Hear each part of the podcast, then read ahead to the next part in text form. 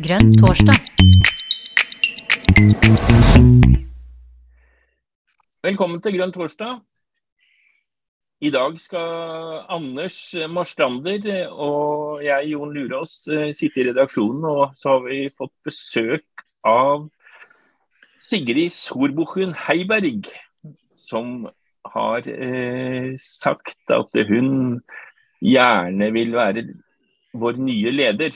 Så får vi se om hva valgkomité og årsmøte mener. Men det vi ønsker i dag, er jo da å bli litt mer kjent med Sigrid. Velkommen, Sigrid. Tusen takk. Ja, jeg må jo kanskje si med en gang, da, Jon. Eh, fordi eh, jeg synes det er veldig stas å bli invitert til Grønn torsdag nå. Og jeg har veldig lyst å um, snakke med dere om hva partiet trenger framover.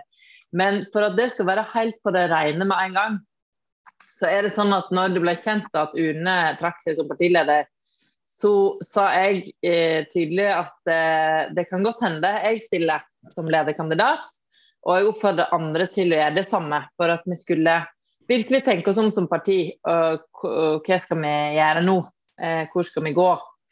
Eh, og, og, da tenkte jeg at eh, ja, kanskje jeg burde stille meg til disposisjon. Eh, selv om jeg har noe å gjøre ellers, så tenkte det er jo drømmejobben det å få lede MDG. Og så tenkte jeg meg eh, om i ei ukes tid.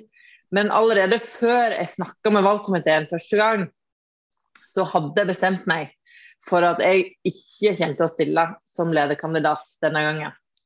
Så eh, der er liksom eh, den første katten ut av boksen. Eh, eller hva sier jeg? Katta ut av sekken. Så nå kommer snart innstillingen. Og jeg har jeg har sagt at jeg ikke eh, er aktuell. Eh, så, så, så, sånn er det. Og ja. Gjelder det også som i nestlederdebatten, for å kalle det det? Ja. Eh, og det i utgangspunktet så det har jeg ikke tenkt så, så veldig mye på. Men jeg, har, jeg, jeg føler at det, det, er mange andre gode kandidater. Og det er jo det som eh, eh Når jeg tenkte meg om, så var det jo eh, jeg tenkte som så, nå må alle tenke på hvem som bør lede oss videre, og vurdere om en sjøl skal være kandidat. Men jeg kommer fram til at, at det finnes andre eh, kandidater som er vel så gode som meg sjøl. Eh, og at jeg sjøl er veldig motivert til å fortsette der jeg er, som er fylkesleder i Oslo. Og, og en ny jobb som jeg akkurat har begynt i, som er at jeg er nestleder i byutviklingsutvalget i Oslo bystyre. Så jeg kom liksom fram til at eh, jeg, jeg, er akkurat i ferd med å ha fått meg en ny jobb som jeg har veldig lyst til å lære meg å bli god i. Eh, og det tenker jeg med nestleder og det er andre gode kandidater til nestledervervet som jeg eh, kommer til å heie på. Mm. Så du har landa det også? Det var litt, litt overraskende. ja.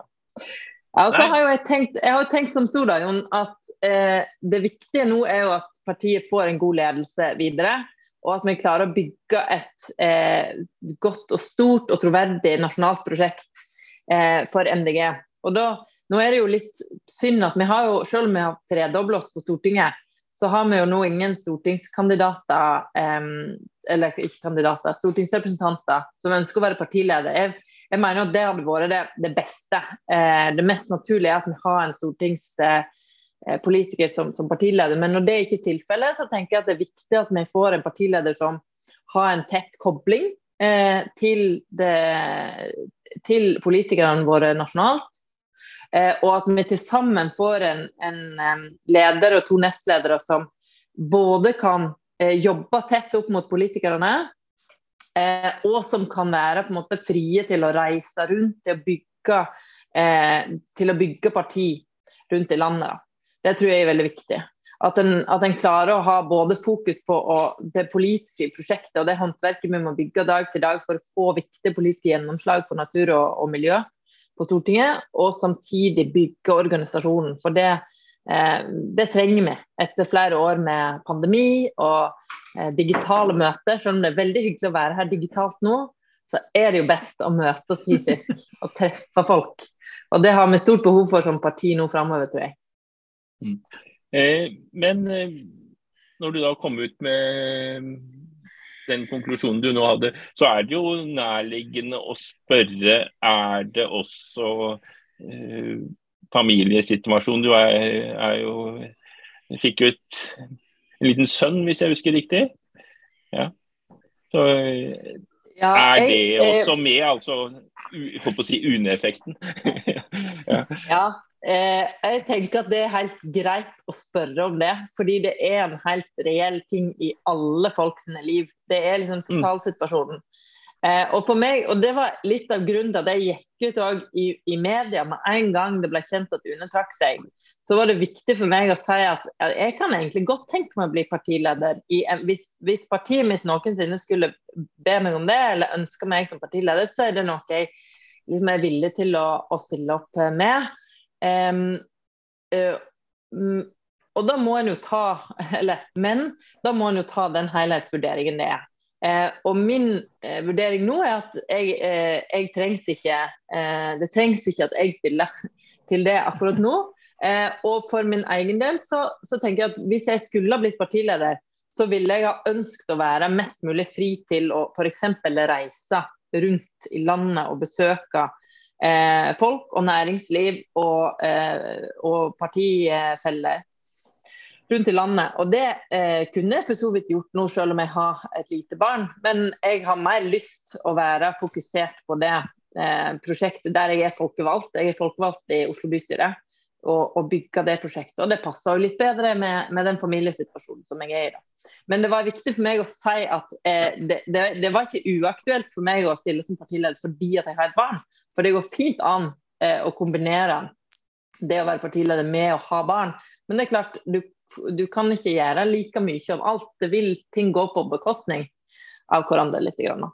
Så det, en, det, er en helhetsvurdering. Det er, det er, absolutt ikke sånn at jeg ikke stiller som partileder fordi jeg har et lite barn, men totalen eh, er en vurdering som eh, Det er det selvsagt er en del av bildet. da.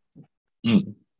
Nei, bare for å holde litt på det, så har jo det temaet har jo, eller Det at UNE da trakk seg med den begrunnelsen hun hadde, har jo resultert i en um, ordentlig debatt knytta til hvem er det som faktisk deltar i demokratiet. Det er ikke, det er, vi, vi, ønsker at det skal være mange flere enn eh, sånne som Anders og meg, som da er hvite menn 60 pluss. Det, det blir ikke noe bra demokrati hvis bare, bare, vi er med, Anders, eller hva tror du? Nei, nå, det, det blir det jo ikke. Og så representerer vi kanskje ganske greit Innlandet, som er et fylke i forgubbing. Så mm. sånn sett så, så, så, så er det jo greit nok. Men, men, vi har jo en del andre, og det skal vi ha. Det må vi absolutt ha. Eh, men da er jo dette intervjuet Sigrid, i ferd med å ta en litt annen karakter. Fra lederkandidat til et portrettintervju av eh, Sigrid Heiberg. Og det er jo hyggelig. Ja, det er hyggelig. Jeg, tenkte, jeg, jeg hadde tenkt å snakke med Jon før i veka, men det, jeg, tenkte, jeg, tenkte, det var et fint sted å annonsere uh, nyheter. Det er på Grønn mm. torsdag, så da får du den nyheten eksklusivt her. det, det, det, setter vi pris på, selvfølgelig. Uh, da kan jeg Men uh, det, det mest naturlige å spørre, siden du ikke er kandidat, det er jo ikke hvem du kommer til å stemme på, men hva du ønsker fra en leder, lederkandidat.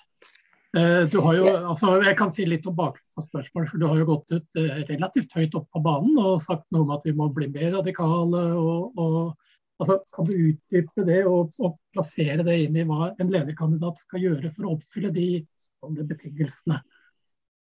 Ja, Eh, ja, jeg har vært tydelig på at jeg, jeg er bekymra for at MDG sitt ønske, som, som, mange deler, og delvis jeg òg, et ønske om å eh, måte, såkalt breie oss ut.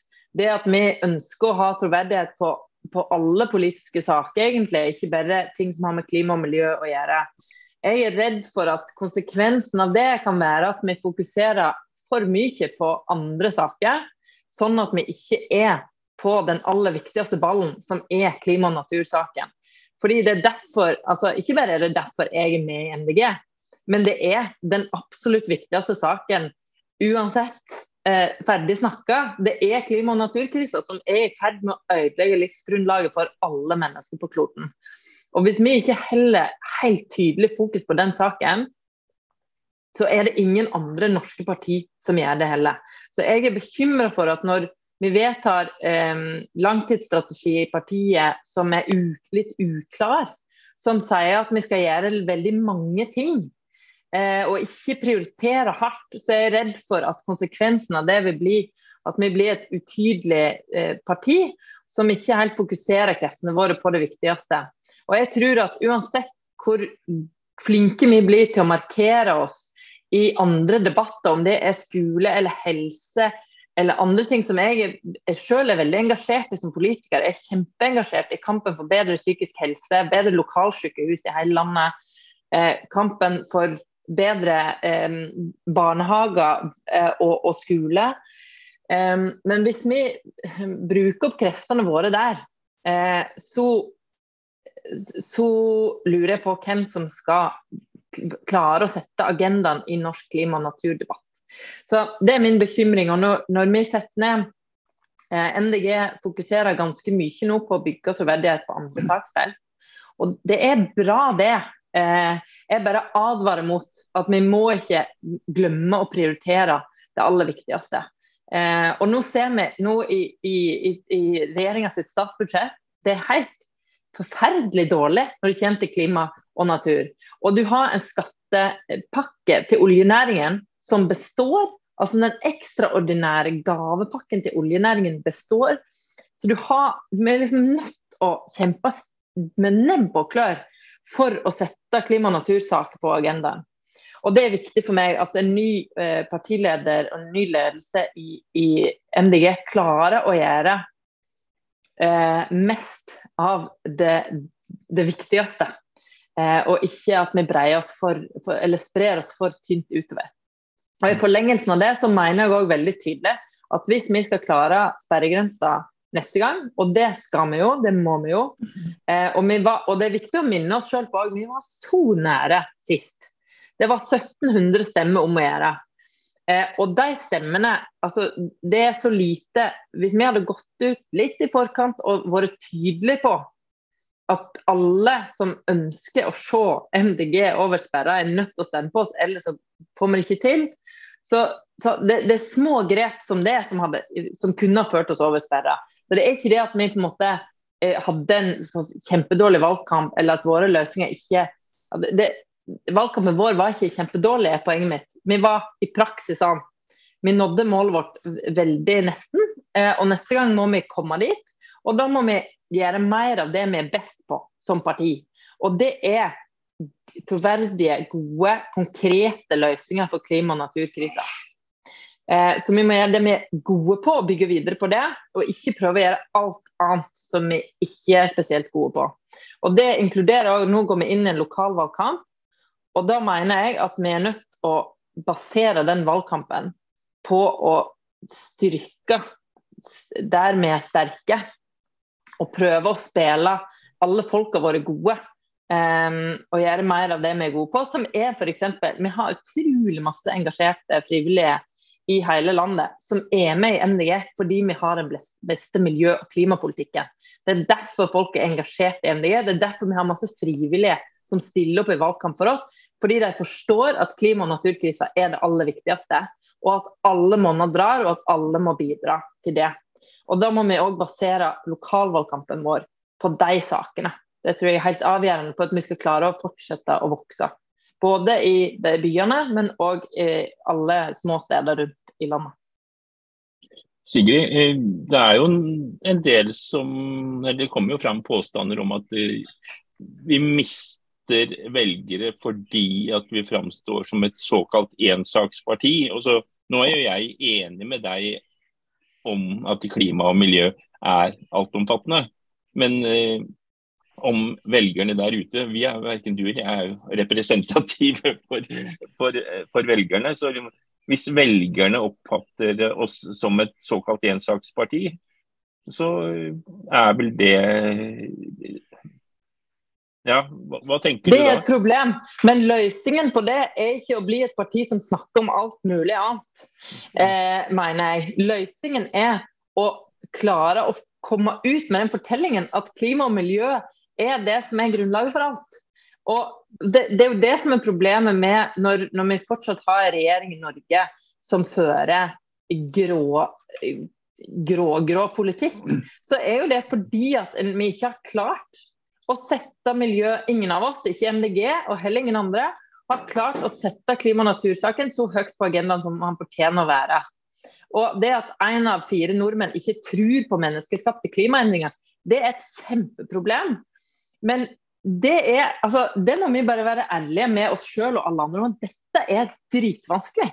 Det er kjempevanskelig å komme ut med en fortelling som er den sanne fortellingen om at Norge er et land som har bygd vår rikdom på å pumpe atmosfæren full av klimagasser på å koke kloden.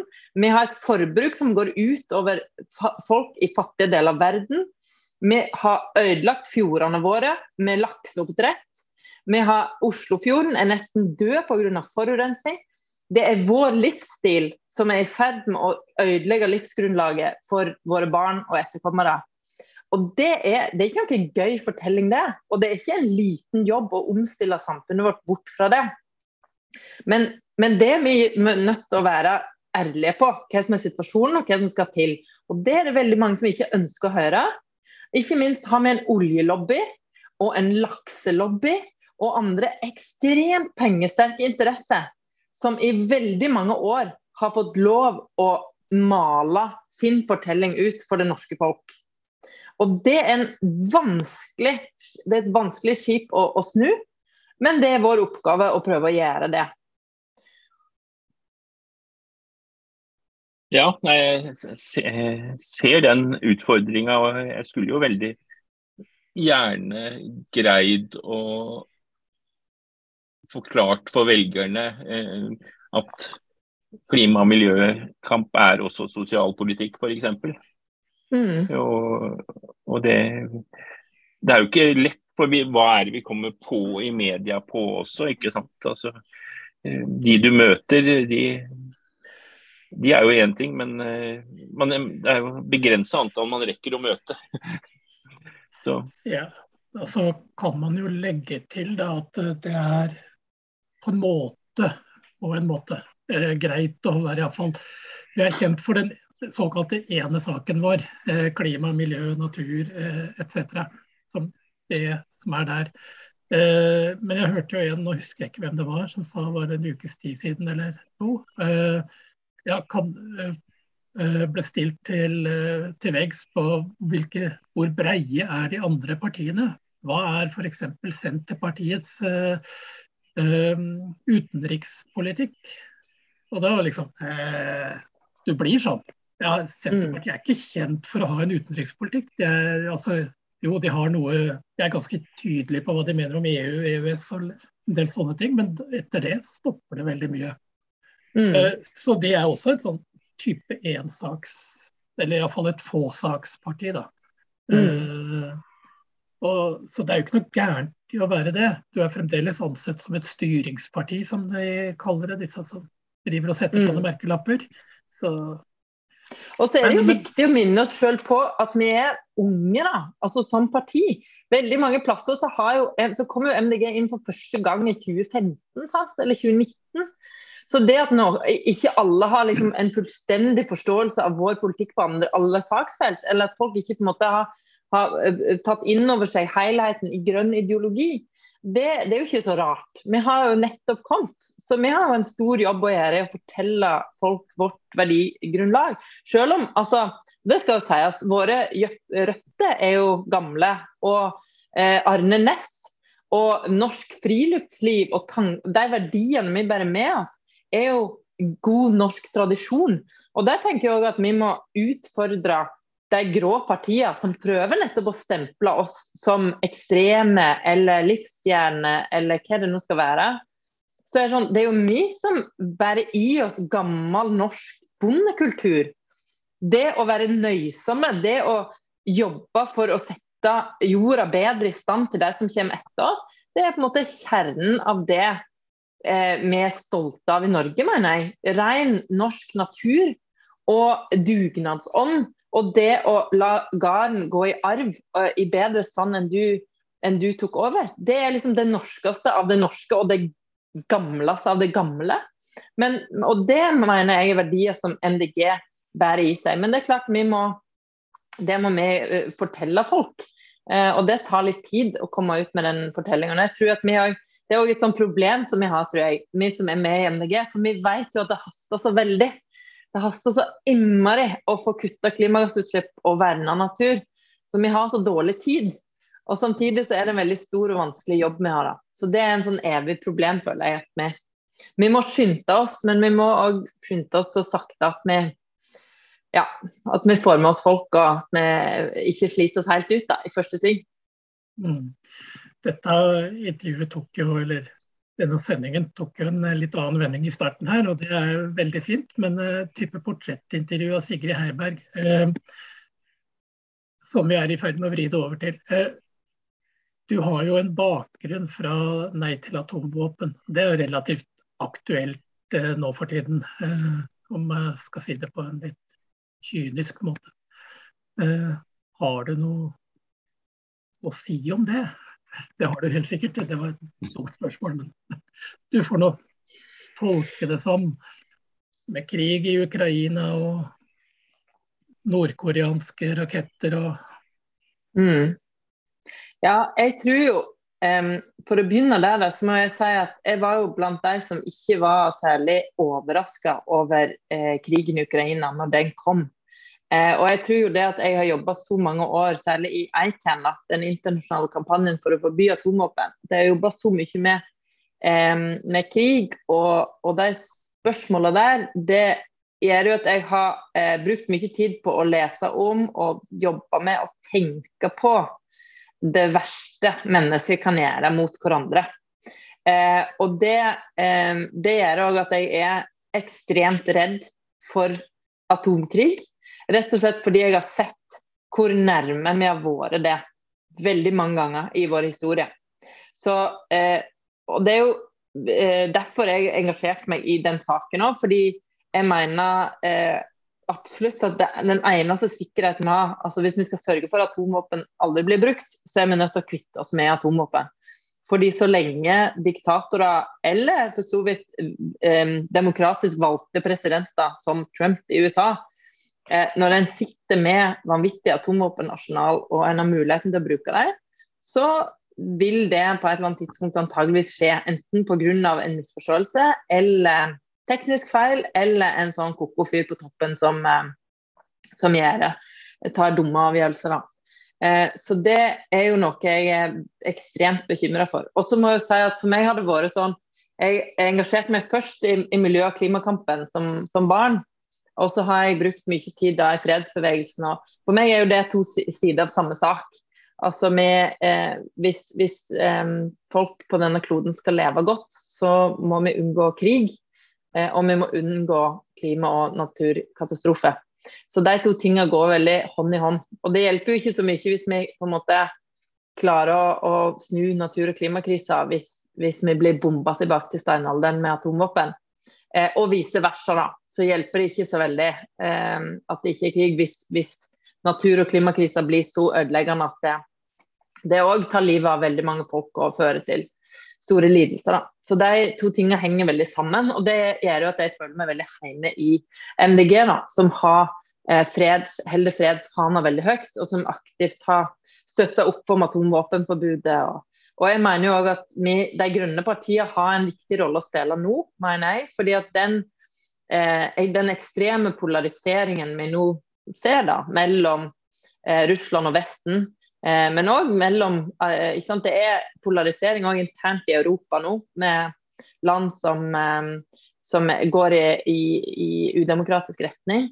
Så er det jo liksom den eh, dype solidariteten som de grønne partiene står for, den er ekstremt viktig i den tida vi er nå. Det at vi faktisk mener at alle mennesker er like mye verdt, og at løsningen på våre problem er samarbeid og respekt for hverandre det er helt vesentlig eh, for at vi skal komme ut av den type vanskelige situasjoner som, som Europa står i nå. Det er, eh, om jeg må få si det sjøl, godt sagt. uh, og det, det, i hodet mitt så sviller det mange tanker om grønn ideologi og, og, sånne ting. Når du sier det der, har du noe å følge opp på dette med, Jon? Jeg har en mistanke om det. Ja, eh, det ble gjort et vedtak på et ekstraordinært landsstyremøte. Eh, som gjorde at Der sa vi at vi støtter våpeneksport. og så eh, Det var jo på et overordna nivå. så Nå har vi jo sett at våpeneksporten har jo tatt litt av. Men eh, nå vet ikke jeg hva du stemte der, men eh, hva, hva tenker du om det, det, at vi også da bidrar inn i den kampen? Altså, det er jo eh, selvsagt vanskelig å ikke være med også, det er jo en avveining begge deler. Men eh, jeg, jeg var jo også på det møtet, og jeg syns det der, der var veldig vanskelig altså, vi er et fredsparti, og hva Hvordan tråkker man Hvordan beveger man seg i landskapet som et fredsparti også? Det, er, mm. det ville jo være feil, tenk, følte jeg, da, å, å, å, å, ikke støtte Ukraina. Men eh, samtidig, eh, hva gjør man? Hva ja, gjorde du? Det var veldig vanskelig. Ja. Mm. Jeg syns òg det der var veldig vanskelig. Og mitt eh, mitt utgangspunkt var jo at jeg var støtta veldig de reglene som Norge hadde. Nemlig at vi ikke eksporterer våpen til land i krig. Og at vi skal være ekstremt forsiktige med å gå inn i konflikter. Eh, og jeg, Mitt utgangspunkt her er, er at en konflikt mellom Russland og Europa, den konflikten vi står i nå, den har alle muligheter til å eskalere og til å bli en eh, verdenskrig. Og det er mitt hovedanliggende, at vi må gjøre alt vi kan for å unngå at det skjer. Eh, og, og, så syns jeg det er veldig veldig vanskelig. Og jeg var blant de som var veldig kritisk til å endre på vår politikk og på norsk politikk på, på feltet og gå inn for våpeneksport. Jeg eh, argumenterte mot både i Oslo og ellers, men jeg ble jo nedstemt eh, i, i, mitt parti der. Eh, og jeg må si at jeg har, jeg har, veldig respekt for at det går an å se annerledes på det. Og jeg har respekt for at vi endte på en annen konklusjon. Men for meg personlig var det vanskelig. Eh, og jeg syns at eh, der vi står i dag òg, så eh, er det vanskelig å si eh, jeg, jeg, klarer i hvert fall ikke å si at de andre tok helt feil og jeg hadde rett jeg er veldig usikker på hva som egentlig er riktig å gjøre i den ekstraordinære situasjonen. Men, men det var veldig vanskelig.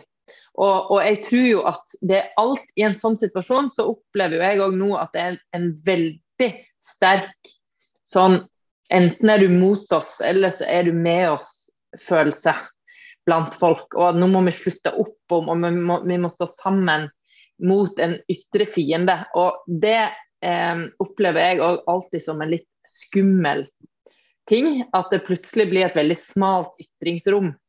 Eh, at de som tar til orde for eh, deeskalering eller ikke-vold, eller det, det, blir plutselig liksom uglesett. da. Og det syns jeg òg er, er, ganske eh, skummelt og ubehagelig. Så, og jeg tror at det er alltid behov for folk som tenker annerledes. Eh, og det er aldri et problem på en måte at folk, eh, folk som ønsker ikke-voldelige løsninger, eller som jobber aktivt for fred, det er som regel for få av dem, og for mange av dem som tyr lett til våpen. Det er det. Jeg er ikke i tvil om at vi kunne brukt resten av sendinga på å snakke om dette her, men eh, vi ønsker jo å få fram litt flere sider av det. da. Så eh, du var, du var, innom den der eh, norske bonden og, og sånn. Eh, og så har jo ikke du Majorstua-dialekt. Så det kunne jo vært interessant å vite hvor du kommer fra. Sånn, og, ja. Åssen har oppveksten til Sigrid Solbukken Heiberg vært? Og så får vi sikkert høre om det der mellomnavnet også, for det er vel ikke et navn som passer til dialekta, det heller? Nei, det kan du si. Jeg er jo, jeg er jo nå blitt innflytter til Oslo og må jo si at eh, jeg føler meg veldig velkommen og, og trives veldig godt eh, i hovedstaden. Men jeg er jo da oppvoksen i Sogn, i Indre Sogn. Ja, jeg kan jo jeg, jeg kan vise dere, da, fordi jeg er jo da nå i mitt andre heimland. For jeg er jo da oppvokst med en far fra Sveits, eh, som jeg er veldig glad i. Og akkurat nå Nå håper jeg at eh, nettet holder, da. Akkurat nå er jo jeg da eh, i Skal vi se, ser det Ja. Det gjør vi. Mm. Nå er jeg her ved Brinzer C i Berner Oberland. Og har vært mm. og besøkt eh, familien her for første gang siden før pandemien. Så det har vært veldig veldig stas. Og introdusert min lille sønn for sin sveitsiske familie første gang. Og eh, ja, så min, eh, min, oppvekst Det er nok ikke sånn tilfeldig at jeg har gått inn i de grønne, for min oppvekst var veldig eh, prega av kjærlighet til dyr. Jeg er oppvokst med, med, hest og med ku. Jeg hadde min egen ku som jeg melka. Eh, sto opp tidlig hver dag før skolen for å melke kua med Ingvild. Eh, Heter du Ingvild? Ingvild var en nydelig telemarksku med litt innslag av NRS. Ja, så jeg er veldig, veldig glad i, i kyr, og det er jo Det er kanskje det sveitsiske i meg, da, for her er det jo eh, altså det er jo kyr rundt hver ei krå her. Så, og så må jeg si, det, det, som er ganske interessant, det er at um, i Sveits har jeg jo direkte demokrati. Og det er jo nok òg noe som har inspirert meg veldig mye til å liksom bli ja, politisk engasjert. Jeg har sett at det, finnes veldig mange ulike måter å gjøre ting på og organisere samfunnet på. Her i Sveits kommer jeg fra en, eh, eller min far fra en kommune med 240 innbyggere. Der eh, ordførerembetet går liksom på rundgang. Både fetteren min har vært ordfører, onkelen min og Alle må liksom ta sin turn, da, for det er ikke så mange å fordele det på. ikke sant? Um, og, uh, og det at det er så mange uh, ulike måter å organisere samfunnet på, og det at det kan være så kort vei Eh, Far min var jo som student i Zürich med på å stoppe den store motorveiutbyggingen den gangen i Zürich. Og Det er jo veldig, det er det jeg driver med nå, føler jeg. kjemper mot store motorveiutbygginger i Norge 2022. Og vi ligger jo kanskje litt sånn 40 år etter på en del ting i Norge. Det er liksom fortsatt midt i natur- og klimakrisen i 2022, så driver norske regjeringer skal bygge nye motorveier for å spare en litt tid. I en tid med Altså, nei, det er helt ko-ko. Men iallfall, det som um, var interessant her veldig nylig, så hadde jo da Sveits en eh, folkeavstemning om å avskaffe industrilandbruket. Altså det skulle bli forbudt med eh, industrielt dyrehold. Eh, og her er nå veldig mange i min familie og vennene mine her nede veldig veldig skuffa. Fordi det var bare 30% cirka, som stemte ja til å avskaffe industrielt dyrehold. Eh, og for meg så ser jo jeg helt annerledes på det. fordi jeg mener altså MDG har aldri turt å Ikke engang vi har turt å foreslå det. på en måte. Vi har foreslått eh, å, legge ned kyllingproduksjonen i den forferdelige måten det foregår eh, i dag. Men altså å, å, legge ned på en måte alt og forby industrielt dyrehold, sånn at du må drive på en helt annen og mye mer dyrevennlig måte, det, det, er radikal, på en måte, nytenkende, veldig bra. Og jeg mener ja, eh, ja, god natur- og, og miljøpolitikk. Da. Og det at 30% av befolkningen stemte ja til det, det er jo helt fantastisk kult. Det er jo ikke på noe skuffende, det er jo helt utrolig bra at vi har kommet dit at en tredjedel av befolkningen aktivt ønsker å betale mye mer for kjøtt, fordi de ønsker at dyra skal ha det bedre. Så Det er utrolig oppløftende, tenker jeg, og noe vi kan ta med oss. At det, det er jo bevegelse i disse spørsmålene i alle land. Selv om her i Sveits er det jo masse grønne politikere som får til masse, masse bra, både i de store byene og, og rundt de små bygdene. Um, og det er jo det samme konfliktlinja der. Det at uh, vegetarianere får dødstrusler i Sveits òg. Fordi at det å ta en, et aktivt standpunkt til de kontroversielle spørsmål som folk, folk, føler seg angrepen. ikke sant? Folk føler at hvis du ikke spiser kjøtt, så er det en kritikk av min livsstil. Dermed er jeg sint på deg. I stedet for å kanskje være sint på systemet som lager, eller som, som tvinger bøndene til til å, drive på en måte som ikke er bra for dyra. Eh, så, så, så de konfliktlinjene er jo ikke bare i Norge, de er i alle land. Og så går det i hvert fall delvis i riktig retning. da. Men da er jo spørsmålet er du vegetarianer? Ja, det var et godt spørsmål. Jeg er ikke vegetarianer. Eh, men, eh, eh, men, jeg prøver jo å ete så lite kjøtt som mulig. Eh, mm. Og jeg hadde lenge en sånn regel om at jeg bare åt kjøtt som jeg kunne navnet på, som jeg hadde helst på. Eh, så, og det var jo litt lettere når en hadde liksom, når en vokste på gard og slakta dyra sine sjøl og sånn. Men, eh, men, nå er jeg, litt, jeg er litt mer fleksibel på det. Men jeg prøver jo veldig aktivt da å kutte ned på kjøttforbruket. Og så syns jeg det er veldig vanskelig det med melk. Fordi nå, melkeproduksjon er jo òg faktisk dessverre dyreplageri satt i system. Det å ta små barn, små babyer fra mammaen sin når de blir født for å stjele melka til mor, det er ikke kult i det hele tatt. Og så syns jeg at god ost er helt fantastisk. Eh, så der står jeg i en spagat. da. Men det, der skjer det jo òg veldig spennende ting. Og det er jo nettopp en ny norsk studie som viser at det, å, den, det en har drevet med i, i flere tiår, som er å ta kalven fra mora, det er jo ikke bare forferdelig dyreplageri og dårlig for, for ku og kalv, men det er òg dårlig økonomisk for bonden. Så, så, det går jo an å gjøre ting på en litt, eh, litt bedre måte, da, forhåpentligvis i framtida. Mm. Er du, du, er ikke noe helt standard eh, BMDG når du kommer, vokste opp på det tror, jeg, det tror jeg at jeg er faktisk, Jon. Jeg tror jeg er helt standard BMDG. Jeg er innflytter fra bygda. Jeg er fleksitarianer.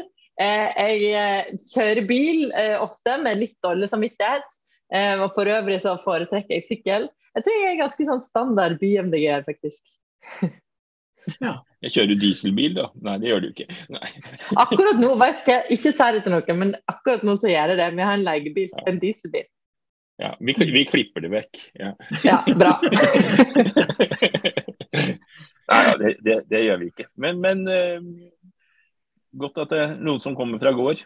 Og det, det er viktig. Vi er, jo, uh, vi er jo nødt til å bli mer sjølproduserte i Norge. Og da vil det jo være en eller annen andel med kjøtt, og så må den produseres på best mulig måte. Så mm. Norge er ikke landet for å produsere 100% vegetar, men at vi kan spise mer, absolutt. Mm. Mm.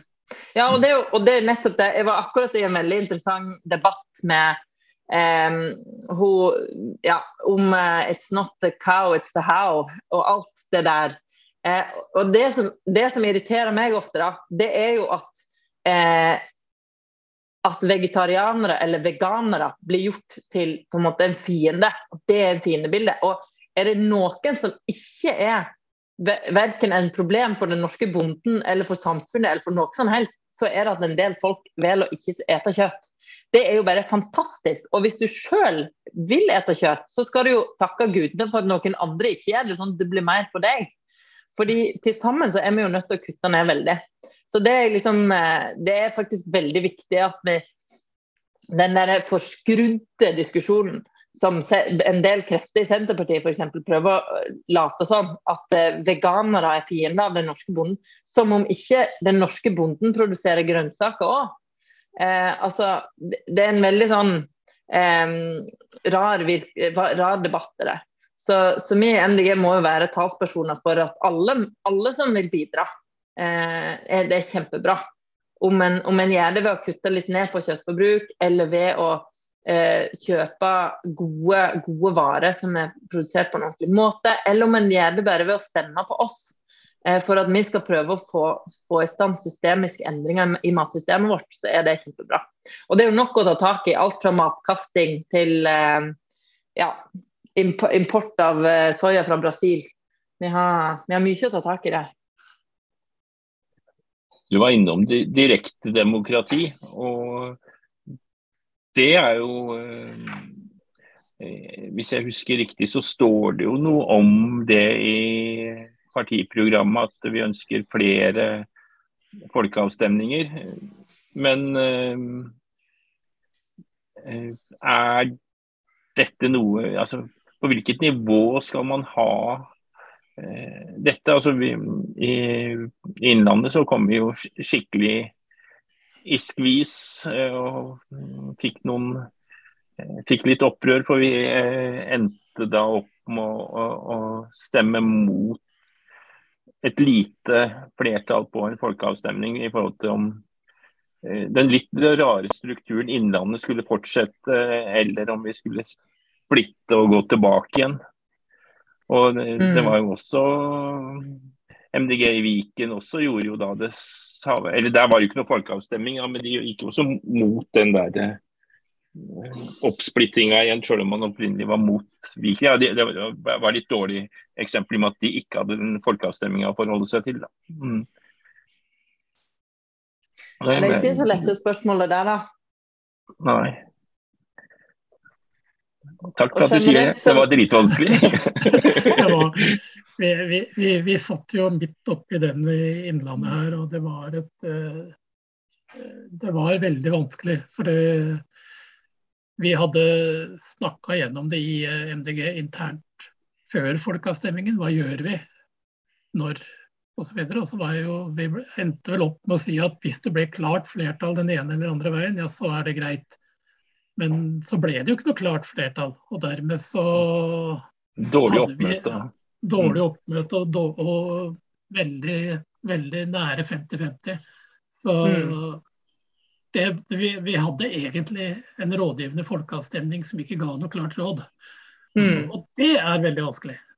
Ja, og, og, det er jo det viktige poenget her. Da. Alle som mener at, sånn, at demokrati er, er, rett fram, eller at noe er helt demokratisk og noe annet ikke er det, det, det stemmer bare ikke. Demokrati er jækla eh, komplisert. Og, og, det om det er direkte demokrati sånn, eller representativt demokrati sånn, det er fordel og ulemper med det meste. Og så må en prøve å finne Det, det finnes ikke noe helt perfekt system. ikke sant? Og det tenker jeg, Når vi nå diskuterer EU, som vi gjør i MDGA, så, så er det sånn Det må vi bare være enige om først. At det er ikke sånn at ja eller nei til EU er det 100% demokratiske standpunktet, og det andre er ikke det. Eh, demokrati fins på mange, mange nivå, og det er fordel og ulempe med alt.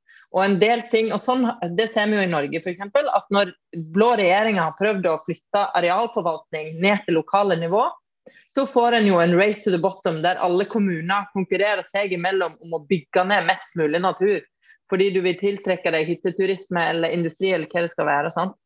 Så det å finne riktig nivå å, å ta avgjørelser på, er jo kjempeviktig. Og for oss som bryr oss om natur og klima, så ser vi jo òg at nasjonalstatene klarer jo heller ikke dette her. Norge pumper jo opp våre hav tomme for olje, fordi vi vil tjene mest mulig penger før noen andre gjør det. Eh, I stedet for å klare å tenke som en helhetlig eh, klode. Da? Så så, så, er det en sånn race to the bottom mellom nasjonalstatene. Så det å finne et uh, overnasjonalt, uh, internasjonalt samarbeid um, som klarer å ta tak i disse problemene, det er ikke lett, men det er helt vesentlig at vi klarer det. Så der tenker Jeg at jeg, jeg er veldig for det å ha kanskje mer bruk av folkeavstemning. Jeg, fall, jeg ser i hvert fall veldig at i Sveits så er jo det at du så ofte kan stemme sjøl ta stilling til konkrete politiske saker, det gjør jo at veldig mange føler mer med i politikken. For du blir på en måte ansvarliggjort. Eh, og det syns jeg er veldig spennende. da. fordi I Norge så har vi ofte en tendens til vi går og stemmer, og så får vi en eller annen regjering vi kanskje egentlig ikke har så lyst til å ha. Eh, og så holder de på i fire år og gjør masse greier. Eh, F.eks. regionreform og kommunesammenslåinger, som vi så fire år etterpå skal drive og reversere. Og så bruker vi masse krefter på det. Masse politisk eh, kapital, masse tid på å slå sammen kommuner og, slå, og, og gå fra hverandre igjen. Og sånn holder vi på, i stedet for å ha fullt fokus på det viktigste vi burde drive med, som er å finne klima- og naturløsninger, f.eks. Og utjevne forskjeller i samfunnet. Så det, ja. Og det er veldig viktig òg, tenker jeg, når sånne ting merker seg i løpet av ei uke eller i løpet av et år. Hva er det offentligheten bruker tida si på? Er det Sofie Elise og kommunesammenslåing, eller er det de reelle politiske problemer, eh, samfunnsproblemer? Og Det tenker jeg liksom, det er vår oppgave òg som politisk parti, å ikke la oss helt eh, bare ja, blåse med vinden. Men vi må klare å holde fokus på det som er det aller viktigste. Nå må jeg vel få lov til å forsvare Senterpartiet litt her, da. Eh, de, men, eh, de mener jo det at det er faktisk en viktig sak hvor langt det er til makta. Altså hvor store disse kommunene er. og at det, så, eh, så, er jo vi eh, delvis uenige med det. Eller jeg er jo litt enig med det, at det skal være nært. da. Men, mm. Eh, men om, omkamper det er jo lite progresjon, for å si det sånn. Men vi ønsker jo omkamp i da, om, om oljepolitikken f.eks. Det kommer jo aldri til å gi oss på. Nei, nei. Og det er jo ikke noe, altså, det er jo et komplisert og interessant spørsmål. det. Hvor skal kommunegrensene gå? Og på hvilket administrativt nivå skal beslutninger tas? Det er kjempeinteressant og viktig, men vi kan jo ikke bare drive med det. Vi må jo òg eh, Ja. Nei, vi må eh. Ja. Men, men, Anders, vi må jo være innom det at uh, Sigrid også har vært utenrikspolitisk talsperson på MDG. Det, det er et sentralt verv som uh, vi i hvert fall, Jeg er litt usikker på hva vi får ut av henne, men uh, jeg tror vi får noen gode svar da også. Um, har vi jo vært ja, litt innom både EU og atomvåpen og sånn, da. Men, ja, jeg har det. Men er det, er det noe mer som du kan si knytta til det, i og med at det er jo en litt, litt profilert greie. Men du har, som du har sagt, du har jo vært innom EU og, og atomvåpen eh, en god del allerede. Mm. Jeg kan Men, jo eh, hjelpe deg på glid, Sigrid, eh, med å ta en av mine hjertesaker som handler om andre land enn Norge. og det er ja, For mitt vedkommende så handler det om Afrika, men egentlig om utviklingshjelp og bistand. Og innretningen av den i det arbeidet vi driver i Norge. Har du noen noe å si om det. Mm. Altså, jeg, jeg, kunne sagt mye, men det det. nå skal det handle om deg, da. Ja, jeg kan jo si at jeg har vært i mange sånn bistandspolitiske debatter med andre partier. Og noe av det som plager meg litt, er at det er veldig ofte så blir det sånn at Fremskrittspartiet står, kan stå der og fyre løs på norsk bistandspengebruk, eh, mens alle andre slutter opp om det. Og jeg tror det er viktig å bare innrømme at norsk bistandspolitikk har mange svakheter. Og det å pøse på med penger til fattige land, som ofte går, eh, ender opp i korrupsjon eller til korrupte statsledere og sånn, det er eh, et problem. Så det er ikke rett. Det er ikke sånn Jeg mener at der er KrF litt og bare å si at all bistand er bra. Eh, og så sier Frp at all bistand er dårlig. Og jeg mener at sannheten er, ligger et eller annet sted imellom. Og så mener jeg at bistand blir veldig ofte brukt som et plaster på et stort blødende sår. Og det vet vi, og det sier jo eh, Tallenes tale er jo klar på det. altså at, at Utviklingsland gir jo oss tilbake tigangen i det de må betale. Betale i, i, i tollavgift og alt mulig. Eh, Tollbarrierer og murer mot, mot Vesten og rike land. Sånn at jeg mener at utviklingsdebatten ofte er litt for grunn og litt for dummende. Og tar ikke inn over seg det faktum at verden er ekstremt urettferdig skrudd sammen. Det, du har en, eh, en rik, eh, rike land i nord som først har kolonisert hele verden, nesten. Eh, tatt, stjålet naturressurser, drept eh, millioner av folk. Og, og, eh, og, så har vi da laga et internasjonalt system som er designa for å tjene oss, og ikke land i sør. Og Der står vi i dag, og så prøver vi ofte, eller politikere fra nord, å dekke litt over det med å gi bistand eller å, å, å, å si fine ord og sånn, men så består det urettferdige systemet. Og det blir snakka altfor lite om. Eh, og vi kan for lite om det, inkludert i Norge. Og det er veldig interessant når du, sånn, I Storbritannia viste jo sånn nyere undersøkelser at, at eh, veldig stor andel av briter mener at liksom, imperiet var bra og de er stolte av imperialismen ikke sant? i dag. Og det er, ganske, det er ganske skremmende. Men jeg mener liksom at vi har ikke kommet så mye lenger enn det. Det er fortsatt en vanskelig ting for oss i Vesten å ta inn over oss at vår uh, levemåte går utover andre, og at uh, systemet er laga av oss for oss og er urettferdig. Ja, da ble det Jeg ble sittende og tenke om mens du prata og hørte på og tenkte. Uh, og jeg, jeg, tror vi lar bistandsdebatten ligge her, for ellers så holder vi på en time til. for da blir jeg veldig engasjert. Kan bli. Um, og vi nærmer oss faktisk å ha brukt en time, det er jo ikke verst. Uh, til tross for at vi har en ledig kandidat som ikke er ledig kandidat eh, med oss. Ja. Så vi kunne, vi kunne avslutta etter fem minutter. Men. Vi kunne det. men det var veldig hyggelig, da. Og jeg, synes, eh, jeg, jeg har jo satt veldig pris på å få delta i denne diskusjonen både ja, internt og, og nå her og, og, i media ellers om hvor partiet bør gå videre. For det er jeg jo veldig engasjert i. Selv om jeg nå ikke er en lederkandidat sjøl, så har jeg jo mange meninger om det. Og det håper jeg jo at mange andre partier har òg. Eh, og har forventninger og ønsker til vår nye ledelse og til eh, hvor partiet skal gå framover. Mm.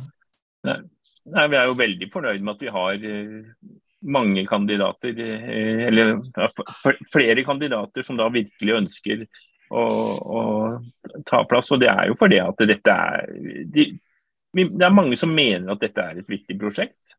Mm. Og at vi, vi da faktisk ha, har noe Her vil jeg bidra, og det er veldig bra. Det hadde vært kjedelig om ikke, ikke det ble noen utfordringer. Så får vi jo se om det blir noen som etter valgkomiteens innstilling, om det blir noen som uh, benker. Da. Det er, det, er, jo en litt annen setting, og det er jo ikke gitt at noen gjør det. Men uh, de har vært med i hvert fall fram, fram til mm. innstillingen. Så mm. ja. Men Sigrid, du har jo én kamp da, som du kommer til å gjennomføre. Det skal, kommer et nominasjonsmøte i Oslo. Der Eh, har, det er det. Har, det har kommet en eh, nominasjonsinnstilling der, har det ikke det?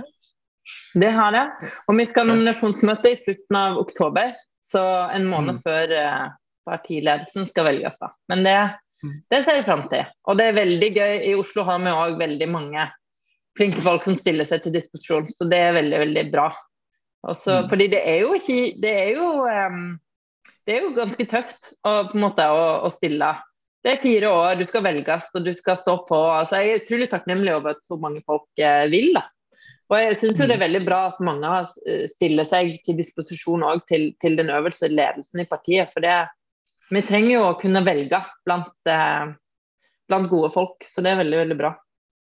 Kommer du til å prøve å klatre? Nå, jeg vet ikke hvor du var innstilt, men du vil kanskje ikke røpe det ennå? jeg, forstår, jeg, er, jeg, er, i hvert fall veldig fornøyd med å ha blitt innstilt. Ehm, jeg er vel innstilt på sjetteplass, tror jeg. Eh, og vi har ti kumulerte plasser. så jeg er veldig fornøyd med at det er masse bra folk som er innstilt der. Og Det er alltid litt leit med seg da, i sånne nominasjonsprosesser. For det er alltid flere eh, veldig bra folk som jeg gjerne skulle sett høyt opp. Så det er alltid Men vi skal fortsette å vokse som parti. Så de som på en måte ikke Alle kan ikke stå på å være nummer én alle valg, men vi har jo plass til alle i partiet. Så jeg gleder meg til å fortsette å bygge den grønne bevegelsen. Mm. Er vi fornøyd da? Har vi fått avdekt alle hemmeligheter, Anders? Det er sikkert et par igjen, men eh, vi har vel eh, eh, brukt opp timen. Og noen hemmeligheter må sikkert få lov til å sitte på en stund til, i hvert fall. Mm. Ja. Nei, men da runder vi av. og så Takk til Sigrid. Det var veldig hyggelig å være med. Mm. Har, du øvd på, eh, har du øvd på etternavnet mitt nå da, Jon? Kan du uttale hele navnet mitt? Heiberg. Solbukken. Juks. Ja, det var ganske bra, faktisk. Ja. ja. Nei, jeg har bra. ikke dårlig i tysk. Mm. Ja. Nei, men uh, takk. Og så ønsker vi deg lykke til i Oslo. Og så dukker det nok sikkert opp en nasjonal mulighet igjen om ikke så lenge. Det, hvor lang tid vet man jo aldri. Men det Det var veldig hyggelig. Og så ses vi på landsmøtet eller på en, på en annen grønn torsdag snart. Mm.